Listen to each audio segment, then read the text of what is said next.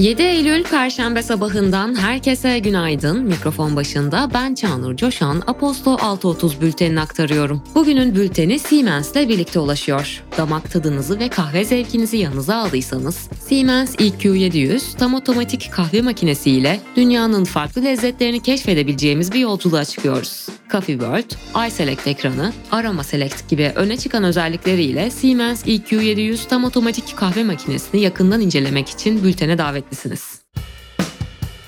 Ekonomi Orta vadeli program Cumhurbaşkanı Yardımcısı Cevdet Yılmaz'ın sunumu ile tanıtıldı. Buna göre 2023 için büyüme tahmini %5'ten %4,4'e düşürüldü. Yıl sonu enflasyon tahmini %65'e revize edilirken tek haneli enflasyon için 2026 yılı işaret edildi. İşsizlik beklentisi 2023 için %10,1 olarak açıklandı. Hükümetin kişi başına gelir tahmini ise 2023'te 12.415 dolar olurken 2024 için cari açık hedefi 34,7 milyar dolar olarak belirlendi belirlendi. Gelir İdaresi Başkanlığı, ek motorlu taşıtlar vergisiyle ilgili olarak Anayasa Mahkemesi'ne açılan davada henüz herhangi bir karar verilmemiştir diyerek söz konusu verginin Anayasa Mahkemesi'nce iptal edildiği yönünde yanlış ve yanıltıcı haberler yapıldığını ifade etti. ABD'de ISM hizmet piyamayı Ağustos'ta beklentilerin üzerinde artışla 54,5'e yükseldi. İstihdam endeksi Kasım 2021'den beri en yüksek seviyesi olan 54,7'ye çıkarken yeni siparişler endeksi de 57,5'e yükselerek 6 ayın zirvesini gördü. Almanya'da fabrika siparişleri %4,3'lük beklentinin aksine 3 aylık yükseliş serisini sona erdirerek Temmuz ayında %11,7 geriledi. Almanya'nın 3. çeyrekte muhtemel bir durgunluk yaşaması bekleniyor. İş dünyası ve finans Elektrik Dağıtım Hizmetleri Derneği tarafından hazırlanan rapora göre Türkiye'deki 21 elektrik dağıtım şirketinin yatırım miktarı geçtiğimiz yıl önceki yıla göre %85,7 artarak 27,3 milyar lira oldu. Vakıfbank 5 yıl 1 ay vadeli dolar cinsi tahvil ihracıyla 750 milyon dolar borçlandı. Dijital baskı merkezleri alanında faaliyet gösteren Lidya Grup, Amerikan merkezli Xerox'un Türkiye'deki şirketini satın aldı. E-ticaret girişimlerinde finansman sağlayan Dublin merkezli Wayflyer, ABD'li yatırım yönetim firması Neuberger Berman'dan 1 milyar dolar sermaye temin ettiğini duyurdu. Politika Dışişleri Bakanı Hakan Fidan, Avrupa Birliği Komisyonu genişlemeden sorumlu üyesi Oliver Varelli ile görüştü. Görüşmenin ardından ortak bir basın toplantısı düzenleyen iki isim işbirliği mesajı verdi. İlişkilerimizin ilerlemesi için gerekli iradeyi sergilemelerini ve daha cesur davranabilmelerini istiyoruz ifadelerini kullanan Bakan Fidan, Schengen krizi konusunda da Türk vatandaşlarının mağduriyetlerine son verilmesi çağrısı yaptı.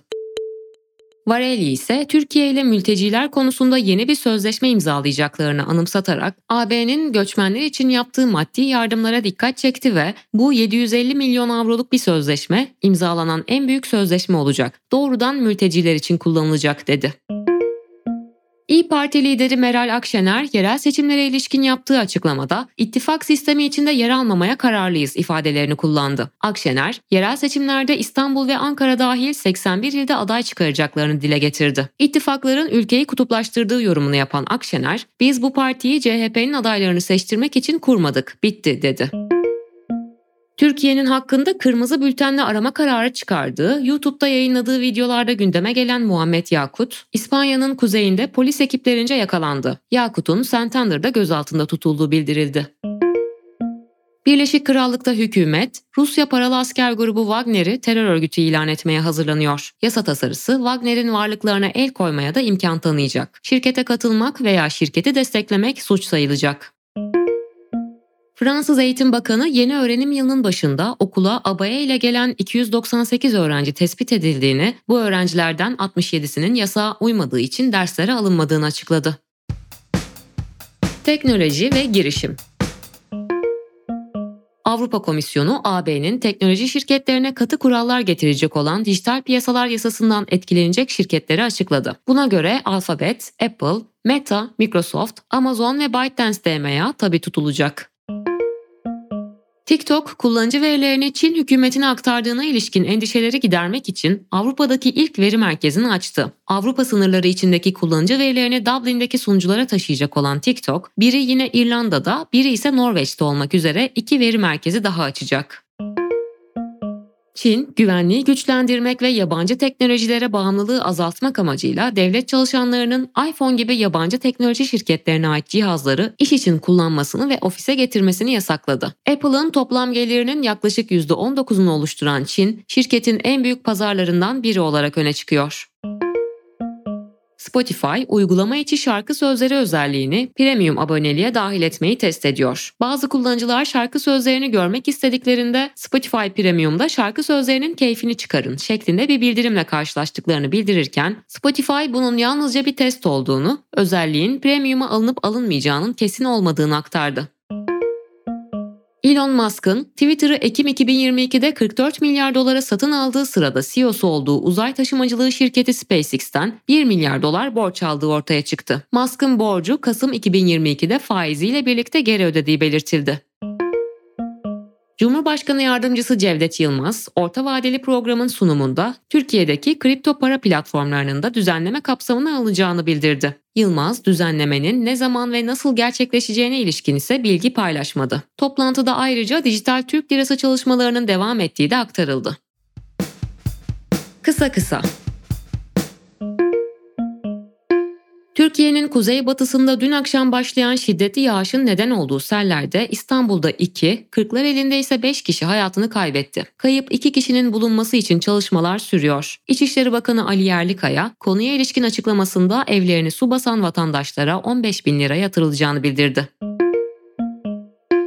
Eğitim Sen Antalya Şubesi'nin yaptığı okula yeni başlayacak öğrencilerin masrafları ile ilgili araştırmaya göre bir öğrencinin okula başlama giderinin 7 bin liranın üzerinde olduğu tespit edildi. Eğitim Sen Antalya Şube Başkanı Nurettin Sönmez fiyatların geçtiğimiz yıla göre %100'den fazla arttığını söyledi.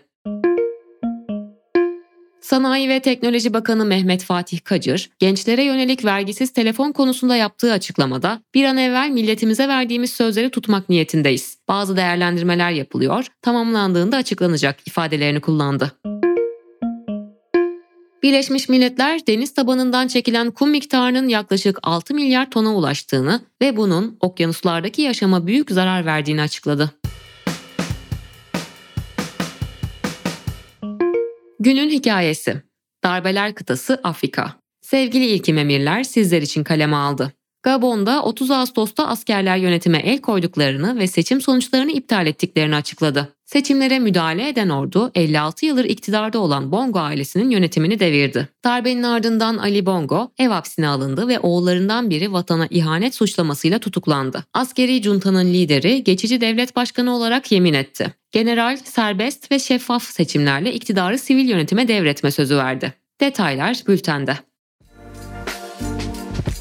Sevgili dinleyenler 7 Eylül Perşembe gününde ben Çağnur Coşan Aposto Radyo'da gürültüden uzak gündem haberleriyle 6.30 bültenini aktardım. Bugünün bülteni Siemens'le birlikte ulaştı. Herkese güzel bir gün diliyorum. Tekrar buluşmak dileğiyle. Hoşçakalın.